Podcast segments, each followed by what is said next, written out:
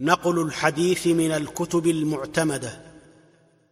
وأخذ متن من كتاب لعمل أو احتجاج حيث ساغ قد جعل. عرضا له على أصول يشترط. وقال يحيى النووي أصل فقط.